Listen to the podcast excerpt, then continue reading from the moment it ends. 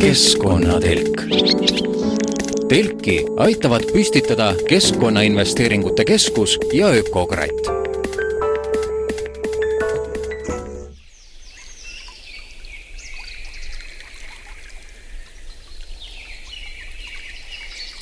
tere, Keskkonnatelk on taas püsti, mina olen saatejuht Kadri Valner. Nõnda nagu nädal tagasi lubatud, jõuab teieni ka täna kordussaade varasematest keskkonnatelkidest. ja valisin kaks lugu erinevatest mullustest saadetest. kuivõrd suvi on see aeg, kui enam ehk rännatakse ringi ja fotoaparaat on ikka kogu aeg läheduses, siis ongi ehk paras aeg kuulata kõnelusi kahe fotograafiga. Üks neist on Eesti ehk üks paremaid loodusfotograafe, Remo Savisaar, ja teine tegelikult mees, keda me tunneme heliloojana Alo Põldmäega. esmalt Kristi Kool usutlebki Remo Savisaart ning see intervjuu oli eetris mullu detsembrikuus, siis kui Remol tuli välja ilus pildiraamat tema looduses kogetust. Hüva kuulamist!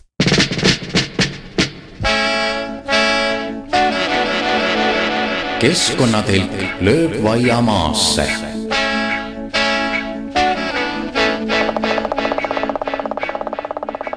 keskkonnatelgis on nüüd külas loodusfotograaf Remo Savisaar. üldiselt on alust arvata, et Lõuna-Eestis elav Remo Eestimaa pealinna just eriti tihti ei satu ega kipu.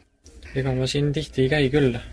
Kui vahest mingeid asju on siin ajada, siis, siis ma nagu satun, aga ma ühendan siis selle käimisega sellega, et ma käin siin nagu ühtlasi ka pildistamas. meie linnas on ka ikka midagi pildistada? on ikka jah, siin on näiteks väga hea koht on äh, Paljassaare, kus on igasuguseid veelinde mm. -hmm. see on väga hea linnuala siin. kuidas üldse fotograafi tööpäev välja näeb, kas, kas sa tuledki tavaliselt koha järgi, et praegu, et praegu toimub seal midagi huvitavat, tead mingit tedremänguplatsi, siis lähed nüüd sinna passima või sa lähed ka välja juhuslikult, mõtled, vaatan, mis täna ette jääb? ikka need, ikka need mõlemad, on seal kindlad asjad, kus on teada, kus mis toimub, ja on ka juhuslikult palju, kus ma käin ja otsin ja loodan nagu leida midagi. Kas sellisel päeval võib täitsa tühjade kätega koju tulla? jaa, võib ikka, tähendab, ütleme nägemise, nägemise mõttes mitte, aga uh -huh. pildi mõttes küll on täitsa tavaline, et sa võid näha küll erinevaid liike, näiteks eelmine pühapäev nägin ma korraga kolme jäälindu lendamas. aga noh, selles mõttes elamus oli vägev uh, -huh. aga mhm. pilti null. miks ei saanud siis, nii kõrgel olid, ei saanud kätte või? valgus oli kehva, võttenurk oli kõrge uh, -huh. liikumine oli kiire, lihtsalt on vaja rohkem sellist õnne ja seda tabamist. kas on olnud selliseid kordi ka, et sul on nii kahju, nii hirmus kahju, kahju, et ei saanud seda pilti? no ikka juhtub jah, seda ikka juhtub. tegelikult ongi niimoodi, et et parimad pildid on saamata hmm.. et mälupildina on olemas, et vot selline hetk oli. aga vot foto peal pole. või foto peal on, siis on ta selline udune või noh, tehniliselt mittekorrektne on sul omad lemmikmodellid ka, et see liik on suhteliselt kindla peale väljaminek, et, et teda on põnevam pildistada kui teist liiki? on ja ei ole ka. ütleme niimoodi, et mulle pakub tegelikult iga liik äh, huvi, et kui teda jälgima hakata niimoodi pikalt süveneda, jälgida teda, siis noh, iga liik saab niimoodi armsaks mm. -hmm. et ei ole päris nii, et, et ma nüüd ainult handkakku pildistan ja jälgin ja noh, ta on küll südamelähedasem mulle kui üldse kõik teised. samas võib selleks saada ka põldvarblane sul ongi ju tegelikult selliseid pilte küll just eh, sinu blogis, ma olen vaadanud, et eh, keda sa oled pildistanud rohkem, just nimelt kakud on ju, ja, ja noh, siin on kuused-rebased muidugi. jah. Nende kakkudega on jah, see asi, et neile ma olen rohkem sellist aega pühendanud, et tabada neid hetki, mida ma näiteks näinud olen, aga pole kätte saanud, see nõuab rohkem nagu sellist tööd. et käia iga päev, oodata seda hetke, teinekord ei juhtugi midagi, näed, kuidas kakk lihtsalt istub, kusagil kahekümne meetri kõrgusel kuusevõrastikus, ei tee mitte midagi. ja siis veedad tema seltsis neli-viis tundi ja lihtsalt vaatad, loodad, et hakkaks äkki hiiri püüdma, aga vot ei hakka mm. -hmm. lihtsalt täna ei olnud see päev. no sina istud kõik see õnnise aeg, kui kakk istub seal puu otsas, sa istud see neli-viis tundi puu all, ei liiguta? põhimõtteliselt küll jah, ei liigutan selles mõttes, et see kakk, keda ma jälgimas käin, on minuga juba harjunud. et temal minust nagu sooja ja külma ei ole, kas ma seal olen või ei ole. peab ootama ja lootma, et ta nagu hakkab iiri püüdma. või ennast puhastama või, või mingit, mingit tegevust tegema mm, -hmm. et saaks seda tabada no needsamad sinu rebased ka ju, mida inimesed võib-olla teavad rohkem, eriti see, see pilt, mis väga kuulsaks sai, Padjast mõnusam, kus üks rebane magab ja teine magab siis, toetab oma lõua vastu, vastu selga ja siis tukub seal niisama, et kas see oli ka pesakond, mida sa käisid päevade kaupa luuramas kõigepealt? Põhimõtteliselt talvel leidsin, et äh, vana rebane liigub ühe puu alla. kogu aeg jäljed viivad sinna. ja käisin uurimas ja ühel hetkel, kui viskus sinna kevade poole, see võis olla vist vist mingi märtsi algus või, või märtsi keskpaik, tekkis puuala auk. ja siis oligi arvata, et et sinna võib ta poetada ka oma pesakonna. ja nii ka läks. et pikalt käisin jälgimas, eemalt binokliga vaatamas, et näed, rebane askendab seal. Jäljed mm. lähevad, juba midagi toimetab. kuni suve alguses oligi niimoodi, et märkasin, et ahaa, rebane on peal seal urusuudmel, aga midagi on tal all ja need olid rebasekutsikad. ja sealt läks edasi see aeg, et et jälgida, kaua vanemad ära käivad ja et selgitada välja see aeg, kuna võib nagu pesal lähemale minna. see on ju väga riskantne, need vanemad oleks saanud ilmselt üpris pahaseks, kui nad oleksid näinud, et mingi mees pildistab nende poegi siin iga päev. Arvatavasti, sellepärast oligi vaja välja uurida see asi, et kaua nad ära käivad, need vanemad, et mitte vahele jääda. ei jäänud, ei olnud korda nii, et sa pidid üsna, üsna selline, et no nüüd läks küll napilt? vot, oli küll jah, selline kord aga seekord nad õnneks ära ei viidud neid. pesa jäi sinna siiski? pesa jäi sinna. et see oli selline vahelejäämine, et ma ei teadnud, kas rebane nägi mind või mitte, küll aga ta tundis mu lõhna mm.. ja siis ta andis nagu eemalt teada sellise hoiatussignaali nii-öelda. Et siis paar päeva hiljem ma käisin vaatamas, pesakond oli alles, eemalt vaatasin binokliga. see oli nüüd nädal või kaks hiljem, kohtasin ma ühe kivihunniku juures tuttavat rebaselast et ikkagi nad olid nagu hiljem sinna kolinud, sealt pesakohast mujale. aga sa tunned nägupidi ära juba oma rebasekutsikad või? Need mõned küll, jah. enam neid ei tunne, selles mõttes, et nüüd on nad juba suured ja kavalad ja nägugi on muutunud ja enam lähedalt nad ennast vaadata ei luba. Kui palju sul on veel olnud selliseid olukordi, et, et et sa oled oma tööd tehes metsas sattunud ohtu või tegelikult kui sa käitud mõistlikult, siis ei pane loodus pahaks, et sa seal nende territooriumil ringi hiilid? pigem jah, seda viimast. sellist ohumärke on olnud küll. aga see on ka sellest, et tead, et midagi võib juhtuda, näiteks kui ma kohtasin äh, põdravasikaid ja ema ma ei näinud neil. Ja vasikad olid ühel hetkel mul ees. et siis oli küll natukene selline kõhe tunne, et kui oleks ema teinud, lapsed teinud häält, mm, -hmm. siis oleks arvatavasti ema välja karanud kusagilt ja see oleks võinud kurvalt lõppeda. no sa oled ju see mees, kes on karuga ka kokku saanud metsas ju. jah aga siis oli hirmus? no suur loom ju. ütleme, et hirmus oli siis, kui ta ületas natukene selle piiri, taluvuse piiri. aga see õnneks lõppes sellega, et ta ikkagi otsustas ära minna. Aga sellist otseselt hirmu ei ole, näiteks ma kujutan ette, et kui ma hunte näeksin, ma ei tea, kas ma kardaks, ma arvan, et ma ei kardaks. aga kui ma koeri näen metsas, siis ma kardan kindlasti. sest see koer ei käi seal metsas, eks ju? koer ei käi ja koer on selline ettearvamatu ja koeri ma kardan üldiselt, isegi külavakoerad, kes on mulle koerad, selles mõttes ma kardan neid. hundipilt on sul veel tegemata, eks ju? aga näinud oled? jälgi ainult. mina hunti näinud ei ole, aga hunt on mind kindlasti näinud. Sest äh, talviti ma olen ma isegi näinud, kus minu jäljed lähevad, ühel hetkel on minu jälgede kõrvale, kui ma olen ringiga tagasi jõudnud, tekkinud hundijäljed mm -hmm. alampedi all ma liigun ja seal liigub ka hunte väga palju. maastikupilte on sul vähe, seal kus mingit äh, sellist elusloodust ei ole. kas või, või ma pole lihtsalt äh, neid näinud, et tegelikult on? üldiselt, üldiselt vähe, jah. mitte, mitte nii palju võrreldes äh, linnuloomafotodega. Et mind rohkem tõmbab see lindude-loomade pildistamine. millist liiki on kõige raskem pildistada? kaku peale saab kinder olla, selles mõttes, et midagi ei ta ühel päeval ikka teeb. ei tea, kas, tähendab, oleneb liigist just nimelt et näiteks ma kujutan ette, et et karvas jalgkakku pildistada võib päris raske olla, sest ta on ikkagi öölind, aga pildistamiseks läheb valgust vaja ja kui valgust ei ole, siis see ongi raskus. tabada seda lindu, ütleme, valguses, et saaks pildi vormistada. Kui hea see tehnika peabki üldse olema, et selliseid pilte, nagu sina teed, teha, öeldakse küll, et kõigepealt ju ikkagi anne ja töö ja siis alles see, see, mis, mis nõuab raha, aga aga ega siiski ju mida parem tehnika, seda, seda võimsama pildi saab ka või? minu jaoks on asi, seisneb ikka selles, et kuidas sa seda kaadrit nagu näed. et kuidas sa oskad paigutada selle pildistatava, kas sa jälgid näiteks tema taga tausta, kas sa oskad näiteks seda valgust kinni püüda, näidata seda pildistatavat parima nurga alt ja panna, ütleme, kui näiteks loom keskkonnas on, keskkonnapilt mm, -hmm. et sa oskad selle keskkonna ka tööle panna, et sa ei vaata lihtsalt loomapilti, kus ta on otse keskel, aga vot seal on näiteks ilus mingi puuoks, oksa peal ilus lind, all on maastik näha kõik, maapind, ja seal on veel mõnus valgus, võib-olla isegi udupiir, selline asi, aga selleks ei pea olema, omama sellist tugevat tehnikat. et selle jaoks peaks lihtsalt olema õigel ajal õiges kohas ja nägema neid asju. ja kui sa seda stseeni näed, mitu kaadrit sa tavaliselt teed? ei ole ju nii, et, et lõps ära on ju olemas, ei? oleneb. kui ma saan nagu selle kätte, mida ma, mida ma soovisin, nagu mu nägemus oli, tavaliselt ma proovin küll rohkem teha.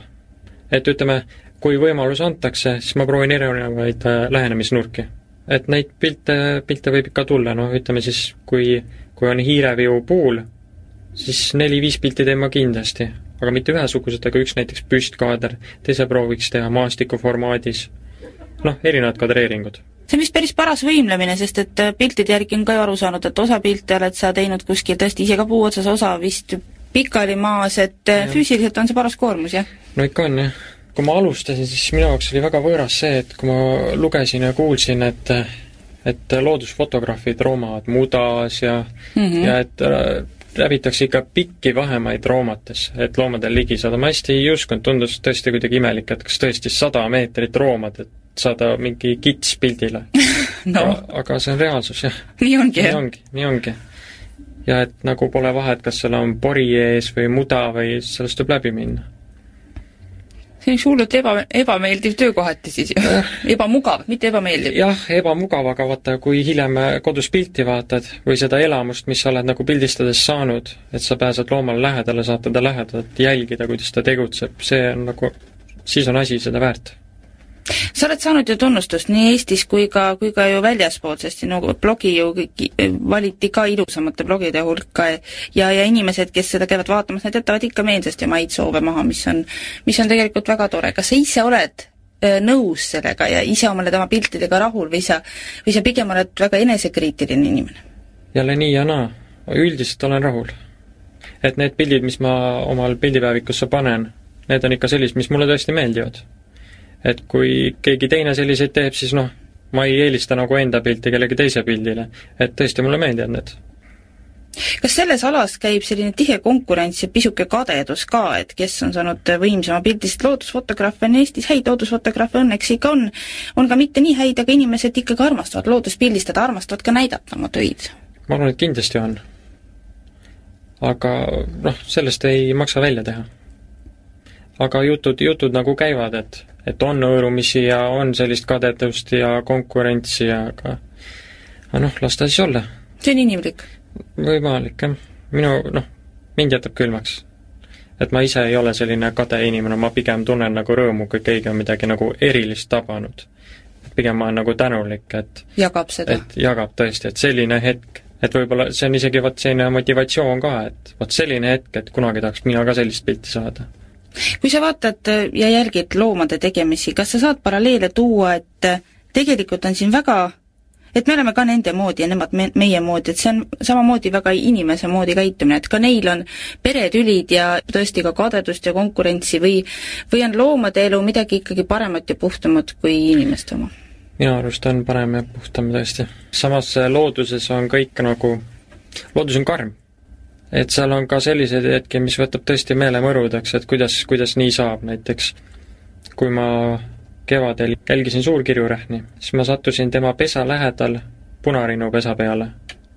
sinna tuli suur kirurähn, jälgis seda pesa eemalt, kuidas punarinnad toitsid oma poegi, käisid pesast sisse-välja, ühel hetkel lendas rähn selle pesa peale, raius selle augu pesava lahti, võttis sealt punarinnapoja lendas sellega kasetüükale, haamerdas takk lihaks ja viis oma poegadele, noh, selliseid asju võib-olla ei näe ja mõtled, loodus on ilus ja mõnus, aga tegelikult loodus on väga karm ellujäämisvõitlus seda küll, jah. aga ta tegi seda ikkagi mitte lõbu pärast, mitte, mitte haiget tegemise mõnu pärast, vaid sellepärast, et ta toitis nii oma poegi. jah, ta oleks muidugi saanud ka teisiti, et noh, süüa, süüa on ju piisavalt, aga tema oli jah, spetsialiseerunud, ütleme, linnulastele, see oli just, ma enam ei mäleta, kas isas või emas lind, aga tema viis oma poegadele peamiselt linnulapsi.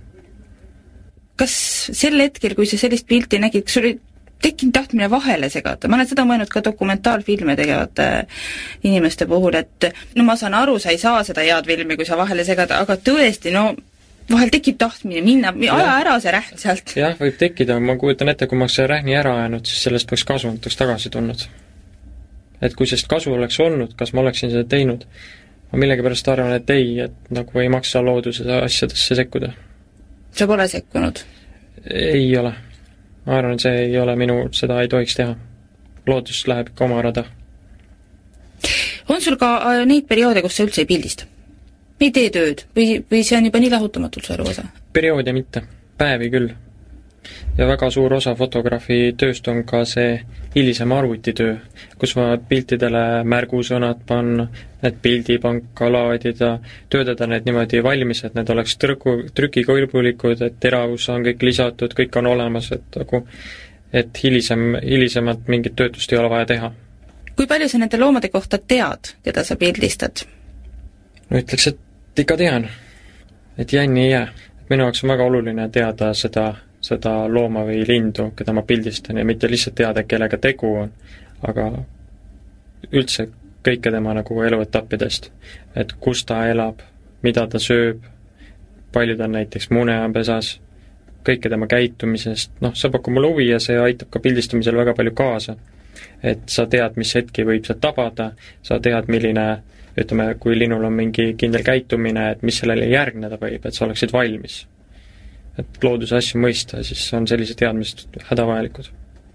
sa ütlesid, et sul ei ole perioode, kus ei pildista, küll on aga päevi, kas see tähendab, et sa oled ikkagi igal aastaajal väljas kuskil metsas, rabas? kohe kindlasti, kohe kindlasti. ja olenemata ka ilmast. et mul just need lemmikilmad on, ütleme, lumesadu ja vihm ja tuisk ja torm ja aga kas niimoodi saab üldse, saab sealt mingit head pilti või? Sellise ilmaga, kui sa saad pildi, siis see pilt on kohe kindlasti parem kui see, mis on tehtud sellisel tavalisel rahulikul päeval. sellepärast, et see märg, kogu mm -hmm. see meeleolu, see vihm ja lumi, see jääb ka pildile. ja see annab väga palju juurde. ja siis peab olema hea tehnika ilmselt, et mis peab vastu sellises jah, võiks olla, ütleme niimoodi, ilmastikukindel, samas on ka, saab kaitsta, näiteks mina olen kandnud, ütleme, jutumärkides kilekoti sees oma kaamerat ja objektiivi, et see märjaks ei saaks kas sul on õpilasi ka, kas on sinu poole pöördunud noori, lapsi või ka miks mitte vanemad inimesed, kes on öelnud, et õpeta mind ka niimoodi pildistama? on ikka ette tulnud jah, ütleme niimoodi, et äh, emaili kaudu olen ma juhendanud küll. ja mul on ka mõned sõbrad tekkinud, kes on nagu algselt soovinud koos pildistama minna, kelle ma olen kaasa võtnud ja nüüd me päris sageli käime niimoodi koos pildistamas. ja väga tore on ka vaadata, et on näha nagu areng. ja hea on kuulda ka seda, kui ikka öeldakse, et ma nii palju õppisin täna jälle, et sa jälle üllatad ja nagu näiteks eile oli mul sõbraga, oli pildistamine, ühe ürituse pildistamine ja seal ta hiljem ütles, et ma arvasin, et sa oled ainult looduse pildistaja, aga see, mis ma õppisin nagu, kuidas sa komponeerid neid asju ja mida sa näed ja kuidas seda kasutad, kõike nagu pildiks vormid, vormistad, et see on midagi uut, et sa ei ole ainult looma, loomade ja lindude pildistaja. et noh, seda on väga meeldiv kuulda. hoolimata sellest, et meelsamini pildistad sa ilmselt loomi ja linde kui inimesi või? jah inimesi ma nii väga ei soovi. et ütleme, need pildid, mis ma inimestest tegin, need olid ka rohkem sellised meeleolupildid, hetketabamised. kas sa pildistad ainult Eestis või käid väljas ka? olen ka väljas käinud, aga minu, ütleme, südamelähedane on just Eestimaa loodus. väljamaal mulle kõige enam pakuks huvi tegelikult linnud, keda võib leida meil suvel siit, aga kes talvituvad näiteks mujal. olgu kas või siis valged toonekured kusagil Egiptuses on sul sellised äh, unistuste loomad, linnud ka, keda sa tead, et sa kindlasti kunagi tahad neid saada, töötad ka selle nimel, nüüd talv tuleb, äkki saad hundi? äkki saan otsimas käid? ütlen niimoodi, et käin seal, kus ta liigub. aga loodan kohati. aga unistuste, no kindlasti tahaks ma näiteks vöötkakku kohata, lumekakku, habekakku. kas lumekakku Eestis ikka on veel? satub talviti vahest harva. aga vot see on selline, vot neid tahaks kindlasti kunagi pildile saada. Et kakud on sellised müstilised linnud. sa ütlesid, et käite ka koos sõpradega metsas, kas kas üksinda on kindlam minna, sest tegelikult üksinda teed sa ju ka vähem häält just, kahekesi pigem ütleme selline maastiku pildistamine ja uute kohtade otsimine vahest ja et on nagu seltsis sõbu-, lõbusam. aga üksi on ikkagi parem, sellepärast et kui ma liigun, siis ma silmadega automaatselt nagu skaneerin seda eemal olevat ja nii kui ma mida, midagi märkan, nii ma seisatan, aga samas, kui mul näiteks sõber ees liigub ja tema seda ei märka, mida mina märkasin, siis järgmine asi, mis ta näeb, on ärajooksev loom või lind. ja noh, siis ei saa pildist midagi rääkida, et siis ei lähe hiilimiseks ega jälgimiseks. lisaks lindudele, loomadele on sul natukene ka putukaid, aga ka üsna vähe? üsna vähe jah, vot putukate pildistamiseks on vaja siiski sellist spetsiaalset objektiivi, et saaks neid lähemale tuua. Et selle ma nüüd omale soetasin, aga ütleme, putukate pildistamisega ma algust pole teinud. et need, need pildid, mis mul on putukatest varasemad, et need on tehtud, ütleme niimoodi, sõbra, sõbra laenatud objektiiviga. aga arvad, et hakkad, hakkad tegema või nad, no kõike ka ei jõua siin ilmas kõik ei jõua kindlasti jah, aga aga huvi on, ütleme nii. aga mitte tavalist sellist äh, lihtsalt putukas kusagil kõrrekese peal. aga rohkem ka sellist tegutsemist ja valguse püüdmist ja võib-olla silueti pilti ja kus on seal ütleme, kontravalguses ja midagi sellist, sellist huvitavamat, mida nagu varem tehtud pole. kui pilt on valmis tehtud, palju sa teda töötled? põhimõtteliselt võib nii öelda küll, et nagu üldse mitte, sellepärast et ma pildistan äh, roos, see on selline asi, et see on nagu negatiiv, mis on, vajab ilmutamist. Et kui ma pildistaks jottpeegis, siis ei peaks midagi tegema. kuna ma roos pildistan, siis ma pean paika panema põhimõtteliselt leveli otsad mm, see on siis tume jele ots, et pildilt kaoks ära hall loor, siis natukene teravustama pilti ja ongi kõik. vahest, kui vaja, siis võib ka natuke kontrasti lisada et mingit sellist asja, et näiteks objektide eemaldamine piltidelt või lisamine, see on näiteks loodusfotograafias keelatud. Õiges loodusfotograafias. näiteks lombi taga sellist asja levib palju, kus lausa ajakirjades õpetatakse, et oi, näed, siin on häiriv oks, eemalda see ära. et nagu õpetatakse, kuidas seda teha, aga selline asi üldiselt ei ole lubatud. keskkonnatelk telki aitavad püstitada Keskkonnainvesteeringute Keskus ja Ökokratt. ja nüüd meie tänase saate teine fotolugu.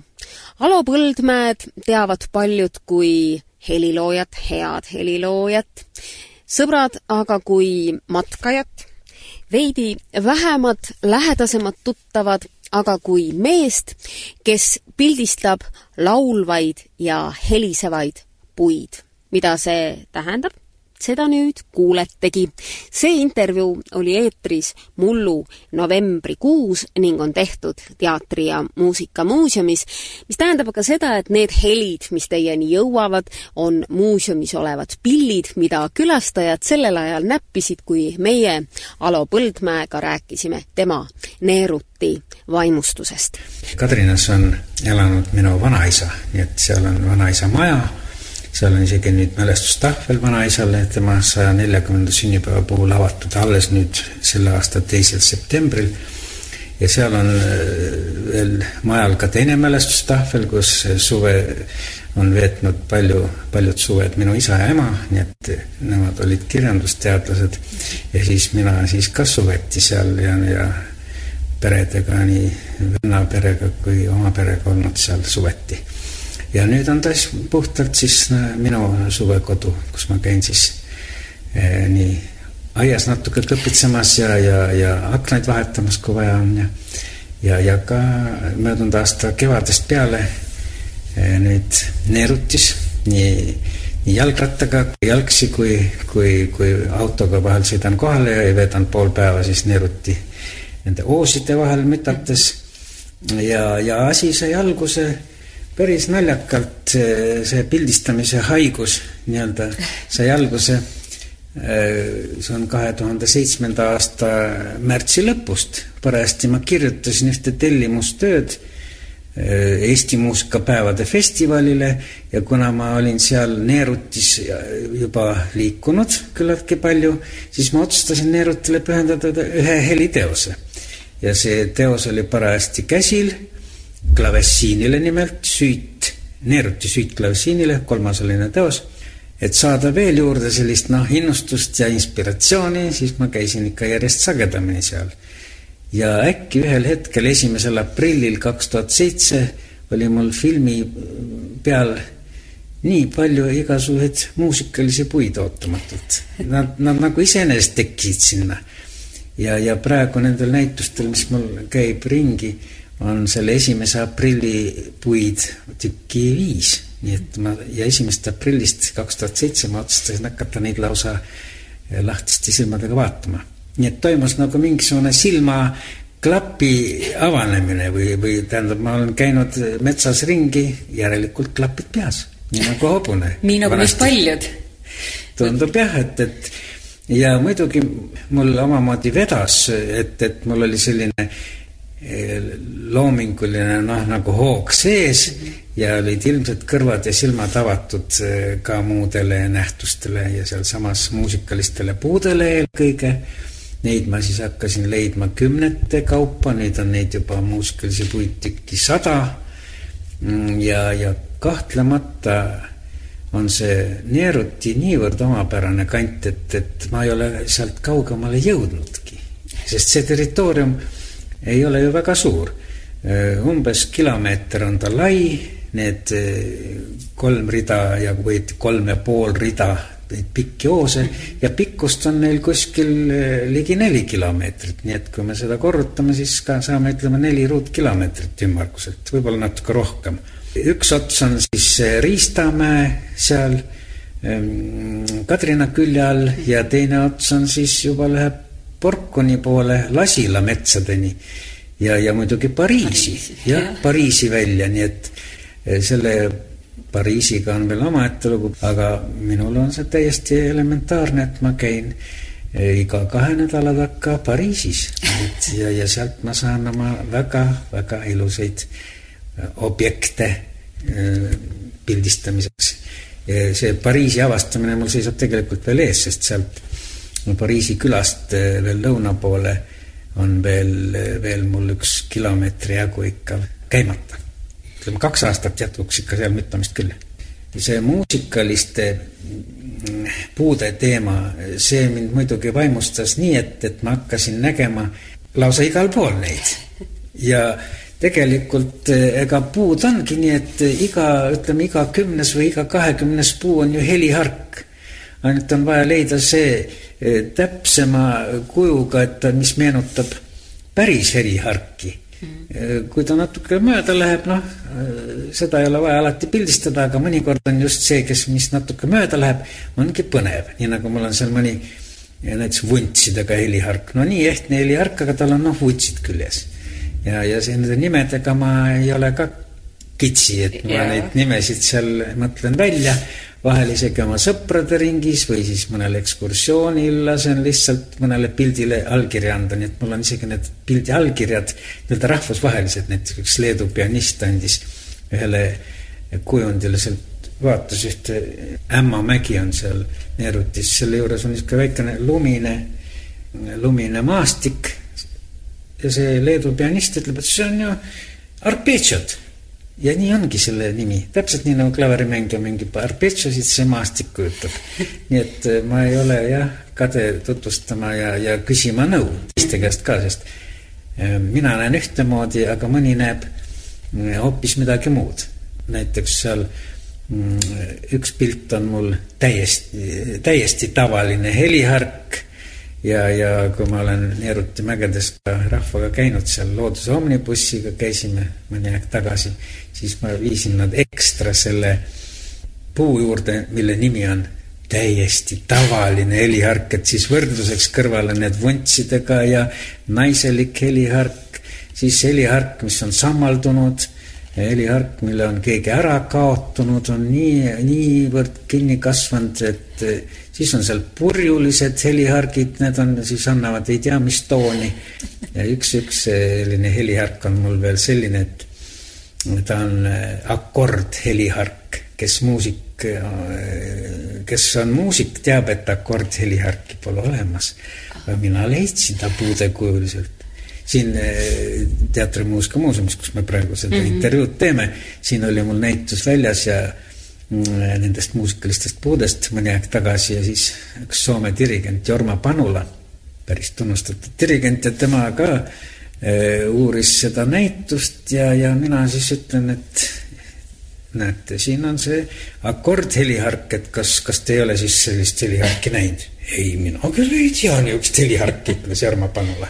Ma ütlesin, aga vaadake, siin meil on niisugune koht, neerud siis täitsa olemas, kolme hääle, läheb kolmeks haruks ja mm -hmm. muidu on täpselt nagu helihark, aga lihtsalt need lisaharud juures. ja nii on mul veel üks helihark, laulev akordhelihark, nii et talle veel laulab ka.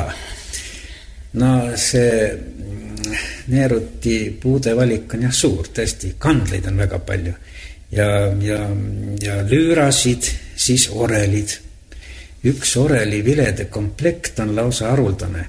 see on Ora järve ääres. Neerutis on üks selline järvede kompleks, Orajärv, ees- ja tagajärv ja Sinijärv, neli järve.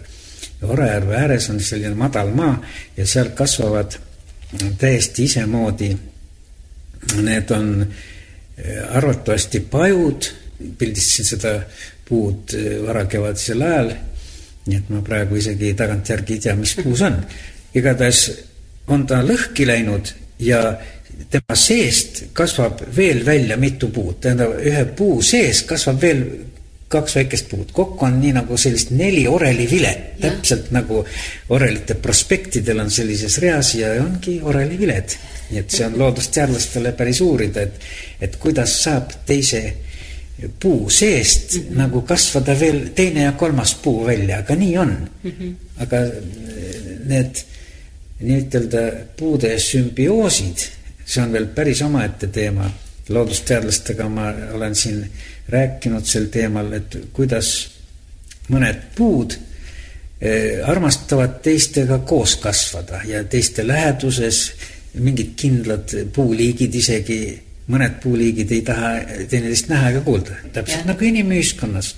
aga pillidest võib-olla veel, näiteks mina seostan kõiki neid puid, mis seal on, ka Kalevipojaga. sest Kalevipoeg on seal Neeruti mägede autor, ütleme niisiis. tema ju oli ju suur töömees, tema kündis, tema ehitas, aga tema oli ka suur puhkaja. ja teame ka, et Eestis on neid palju, neid tema äh, Äh, sänge, kus ta magas, aga mina olen leidnud terve hulga puid, mis on tema muusikainstrumendid.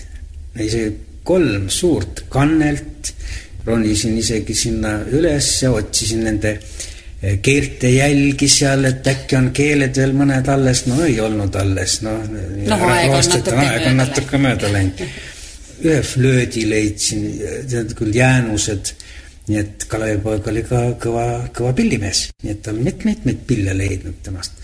Ja, ja kui jutt oli tema puhkamistest, siis ma olen päris palju eh, leidnud tema eh, puhkamise puid ehk tema iste, istepuid, mille peal tema istus ja puhkas ja, ja siis tavaliselt on need tammed, tammed on siis läinud sellise kaardu ja mõned on täiesti nagu, nagu tugitooli kujulised puud, neid on mul näitusel väljas kuus tükki. aga muidugi Kalevipoja relvadega seoses on ka huvitavaid asju. Ma olen leidnud vibud, nooled kõik ja, ja siis veel mitu mõõka ja olen leidnud ka Kalevipoja püssi no selline, selline puu, mis meenutab täpselt püssi ja kui ta seal vagude vahel on, kus Kalevipoeg müttas, siis ta viskas püssi põõsasse ja see on siiamaani olemas. Sellega mul on mitu, mitu isegi kirjalikku märkust. et eh, avaldatakse kõvasti kahtlust, et mul on tore küll, aga ma eksin ajaloo vastu. ajad on segi läinud. segi läinud, Kalevipoja ajal ikkagi püssi veel ei olnud mm. -hmm. ja et, et härra Põldmäe, et korrigeerige oma ajaloolisi teadmisi. noh, siis ma võtsin tänuga need märkused vastu ja tegutsen oma äranägemise järgi ikka edasi teine, teine lugu oli sama, seal on üks foto on mul serviti, serviti, siil. Siil, kes hoiatas Kalevipoega, et lauda, laudadega serviti, muidu lauad lähevad kõik puruks. ja, ja ühe näituse avamise ajal üks inimene tuli mu juurde ütles, et te eksite siin ajaloo vastu. Siil oli paljas kui porgand alles pärast seda, kui ta andis nõu Kalevipojale, alles siis sai ta Kalevipojalt selle karvase, eh, selle tuusti, mis, mis temal okkasteks kujunes pärast. Ma ütlesin siis, et siin näituse tutvustamise katki korraks ja vabandasin ametlikult, et ma olen umbes kahe minutiga ajaloos eksinud et niisuguseid asju tuleb ka mul ette see on ju maastikukaitseala mm, -hmm. see on haruldane koht, see on väga, väga omapärase eh, geoloogilise ja, ja ajaloolise taustaga kant. Eriti just geoloogidel on seal palju kindlasti uurida ja siiamaani uuritakse seda, kuidas see kõik on tekkinud mm. äkki ühel hetkel kerkivad kuni kolmekümne viie meetrised oosid ja nende vahel on sellised sügavad aukudeks nimetatud orud, nii et metssigade lemmikpaik.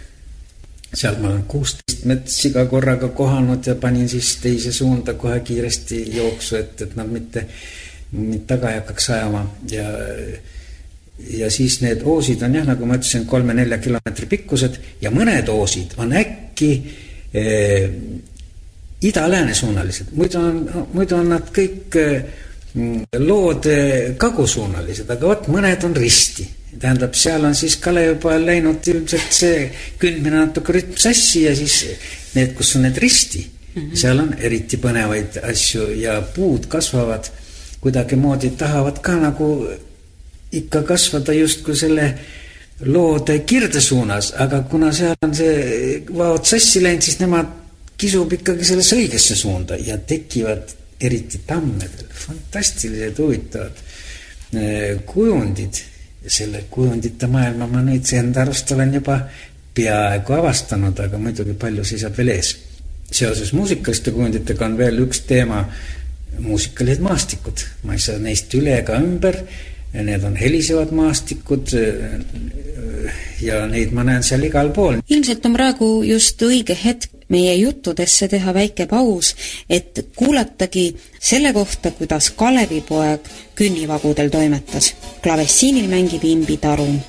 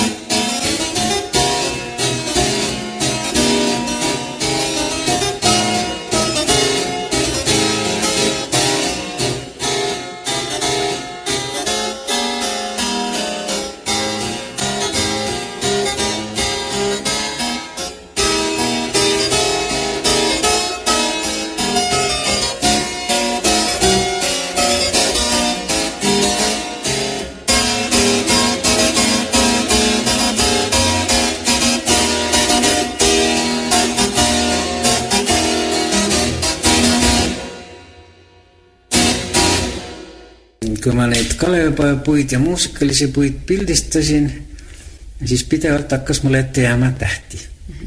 asi sai alguse, kuna minu A on minu täht, eks ole, alo.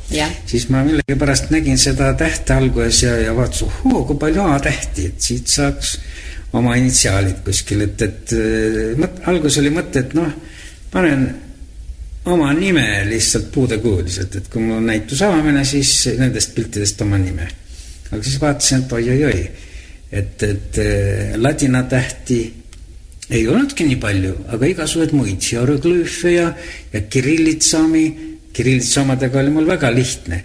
ma isegi kavatsen tulevikus natuke nalja teha, et need see M-täht ja, ja seal A-täht ja et üks A on siis kirillitsa A ja teine on siis ladina A, nii et siin on väikene mängumaa mul. aga neid tähti hakkas nii palju tulema ja teatud tähti, näiteks H-täht on nii palju, et ma ei jõua neid kõikvõimalikul kujul on H-tähte, A-tähti on ka väga palju. V-tähti on palju, U-tähti on palju, aga mõnda tähte ei ole üldse. näiteks R-tähte ma jahtisin kolm kuud ja siis lõpuks leidsin selle, vot see põh-osa on olemas, põh-tähti on ka mul päris palju, aga vot seda kriipsu seal all no ei ole. Ja siis lõpuks ma ikka leidsin ennast täiesti sügavast metsikust august ja, ja pildi allkiri on ka sügava laane R, nii ongi pildi allkiri. No täiesti F-id, võimatu F-i saada, nii et mul lõpuks ma sain, kui mul oli näitus avatud juba, siis ma alles leidsin selle F-i ja mitte päris, nii et selle allkirjaks nüüd sai eh, varsti on F, et ta on nii nagu moodustub F või siis G-täht. G-täht on täitsa võimatu, nii et mul üks G-täht nüüd on, seda ma hoian nagu silmad ära aga see ikka ausalt öeldes rohkem meenutab mingit bemolli, muusikalist bemolli kui seda G-täht. ja ilmselt E-tähte ka vist? E-tähte on ka väga vähe mm, -hmm. väga vähe, ühe ma olen saanud E, ja aga see on ikka päris ehtne siis, see on ehtne mm. -hmm. ja, ja muidugi eh, toredaid O-sid on, nagu ma juba enne rääkisin, neid keerduspuid, mille ma olen saanud nii serpendi omale muusikaliseks kui see ja seal üsna lähedal, selle serpendikujulise ümmarguse puu lähedal on ehtne oo, nii et mul pildi allkiri on ohhoo kui oo, et ta on nii ehtne oo. Ja, ja siis ühe, ühe oo-kujulise üheks sabaga olen kuutähega saanud, nii et, nii et mul on jah, praegu tähestik koos, ladina tähestik kahjuks ei ole mul õ-sid ega ä-sid ega öösid, kui ma muidugi nendega väga jah, aga seda ei taha kombineerida ka, nii et mõned inimesed on öelnud, et noh, pane sinna mõni mingi jupp juurde ja ongi sul õ. vot ei pane, ma ei taha lihtsalt, ma, kui ta mul ette jääb, siis jääb mm. -hmm. Aga hieroglüüfe on päris palju. ja, ja, ja veel kõige hullem see, et, et igasugused kirjavahemärgid hüüumärgid ja küsimärgid ja nüüd on mul numbrite jahtimine käib. näitusel on mul semiootiline neeruti on äh, väljas küll ainult kaks numbrit, see on number üks ja number neli. aga nüüd ma olen teinud neid juba rohkem ka. kaheksa on täitsa olemas ja numbrid ei olegi muide nii lihtne leida, aga nad on siiski olemas. ma olen täitsa kindel, et nad on kõik olemas. nii et semiootilised märgid, see on mul kõik kokku võib nimetada kõik need neli, viis, kuus teemat, mis me siin äh, praegu räägime mm. -hmm. sest muusikaline teema on ju ka semiootika, kõik need noodimärgid ja, ja bassivõtmed, aldivõtmed, fermaadid. ühe fermaadiga oli tore lugu. Mis asi on fermaat? fermaat on selline noodimärk, kui on pikk paus et siis, kui on pikalt nooti vaja hoida, siis, siis pannakse sinna fermaat, selline kaar ja keskel on väike täpike. ja suur äh, fermaatide kasutaja oli, pauside kasutaja on Beethoven. ja see üks, üks puu kannabki nimetust Beethoveni suur paus. see on selline ühe oosinõlval viltu vajunud tamm ja temal on just see fermaadi kuju seal ilusti näha ja jällegi üks näituse külastaja küsib mu käest, aga kuulge, kus see täpikene siin keskel on? aga mul see täpik on sel ajal, kui ma seda aparaati sättisin, täpikeseks oli üks väike pilvekene seal keskel. sel ajal, kui ma seda otsisin, seda nurka, pilv oli ära ujunud natuke kõrgemale. siis ma selle näituse külastajale ütlesin ka, et näete, see täpik ujus mul siin natukene eemale. selle ju seletusega rahul. nii et, nii et mul on muutuvad objektid ka. et peab kohe võtma, aga alati ei saa nii kohe võtta. kas mõni puuliik muudab ennast parema meelega viguriteks kui, või, või tähtedeks ja, kui mõni teine. ja, ja kahtlemata neerutis on see anomaalia täiesti olemas, neerutis. ja anomaalia seisneb selles, et, et need eripärase kujuga puid ja, ja nähtusi on seal rohkem kui tavaliselt, sest see maastik ja need magnetjooned on kuidagimoodi ära, ära segatud, samas on paekivi või, või dolomiidikihid on kusagil ka üsna läheduses, sest Porkuni on ju ka väga lähedal ja seal on ju isegi paemuuseum on sinna ju tehtud kõik ja ja seda on mulle hea, hea sõber Rein Einasto selgitanud, mul neid pae, paeasju neid isegi nende jõujoonte ja kõikide asjade põimumisi. nii et anomaalia on äh, tekitanud eriti tammedel erilised kujud, nii et tamme tamme väändumised on, on niivõrd põnevaid. väga tihti neerutis armastavad kõrvuti kasvada tammed ja kuused, üksikult niiviisi, tamm ja kuusk. Ja, ja siis, aga tammel on te, teatavasti väga suur elujõud ja, ja tema, kui oma oksa ajab, siis kedagi ette ei maksa jääda, ta surub kas või läbi seina. Kuusk jääb ette ja, ja ära eest ära ei lähe siis tamm lihtsalt surub nagu temast läbi, venitab ta laiaks. Ja sellega kuuse ja tamme nimeline sõprus, ühendus, aga samas kuusk sureb ära ja. selle tagajärjel ja niiviisi on mul kaks väga haruldast puud, sellist sümbioosi, sellist komplekti leitud Eh, kus on kuused välja suretatud, aga fotod on huvitavad. ja ühe foto nimi on siis Vaikima sunnitud laulja, see on siis tamm on surunud kuusel selle türe laiaks ja, ja minu, minu süžee näeb ette nii, et see siis laiaks, see on nagu suu ja kuusk laulab, aga kuusk laulab valesti. ja siis tamm paneb selle suu tal kinni sulge nii. ja teise käega, teise oksaga lööb võmmu kuklasse, et ole vait. see on süžee. kuna oli juttu, et neerutis on selline anomaalia, kus on neid väänlevaid ja, ja igasuguse huvitava kujuga puid rohkem kui tavaliselt, siis üks teema näituseks on mul kallistavad ja armastavad puud. ja siin on neid puid igasuguses asendis ja kohati on nad isegi erootilised, ka tihtilugu on sellised, et, suurte puude juurte juurest kasvab mingi väikene välja, väänleb ümber selle suure puu ja siis mul on siin mitmel pildil nim-, nimetus, et armastab suurt.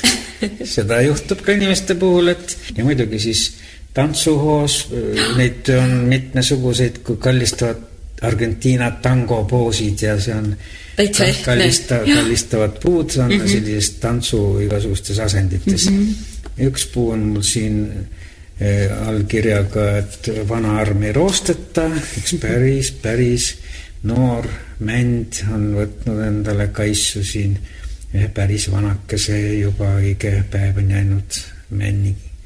täiesti ehtne on üks, üks puu, kus on lausa põimunud mitmekordselt ümber. miks keegi enne teid pole neid neid puid märganud? võib-olla ei ole kellelgi juhtumisi olnud parajasti käsil neeruti teemalist heliteost ja mina olen see esimene. võib-olla on saladus selles. nii lihtne põhjus nii lihtne põhjus, jah. seal peab ju väga palju otsima. Tähendab, mina vana mägironija seal, siis mulle annab seal ikka ronida. võib-olla üks põhjusi, miks neid paljusid ei ole avastatud ka et, et ma käin no tihnikutes ja ma lähen teest kõrvale. ma olen ikka öelnud nii, et eh, kui olete metsas ja väike rada on, siis aeg-ajalt astuge kas või kümme meetrit kõrvale.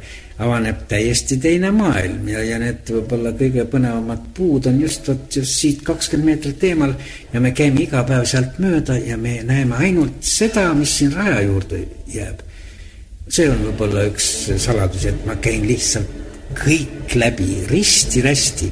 seal isegi on mul nalja saanud, et mind on isegi jälitatud, peetud mind salakütiks, et miks ma lähen nende hooside peal risti, miks ma ei lähe mööda rada, vaid panen kuskilt august läbi ja teisest nõlvast jooksen üles. Ja selleks, et, et saada jälle uusi marsruute, aga see ju looduskaitseala ja maastikukaitseala ja, ja keegi, keegi seal müttab hoopis, hoopis eh, mitte tavapärasel viisil ja, ja peeti mind salakütiks, öeldi, näidake oma parandusette, kuhu te need lõksud panite, ma siis. Mul on aparaat, on minu lõks, millega ma teen klõps-klõps. ja siis oli, oli inimesele üsna piinlik, et, et ta mind pidas salakütiks või noh, kes paneb mingid eh, loomadele mingeid lõkse üles. mulle on heaks moraalseks toeks olnud Fred Jüssik. Ja tema hoiatas mind heas mõttes, et kui mida rohkem näete, seda rohkem hakkate nägema. aitäh, Alo Põldmäe, tänase vestluse eest ja ilmselt need Fred Jüssi sõnad kuluvad ära meile kõigile. keskkonnatelk. telki aitavad püstitada Keskkonnainvesteeringute Keskus ja Ökokratt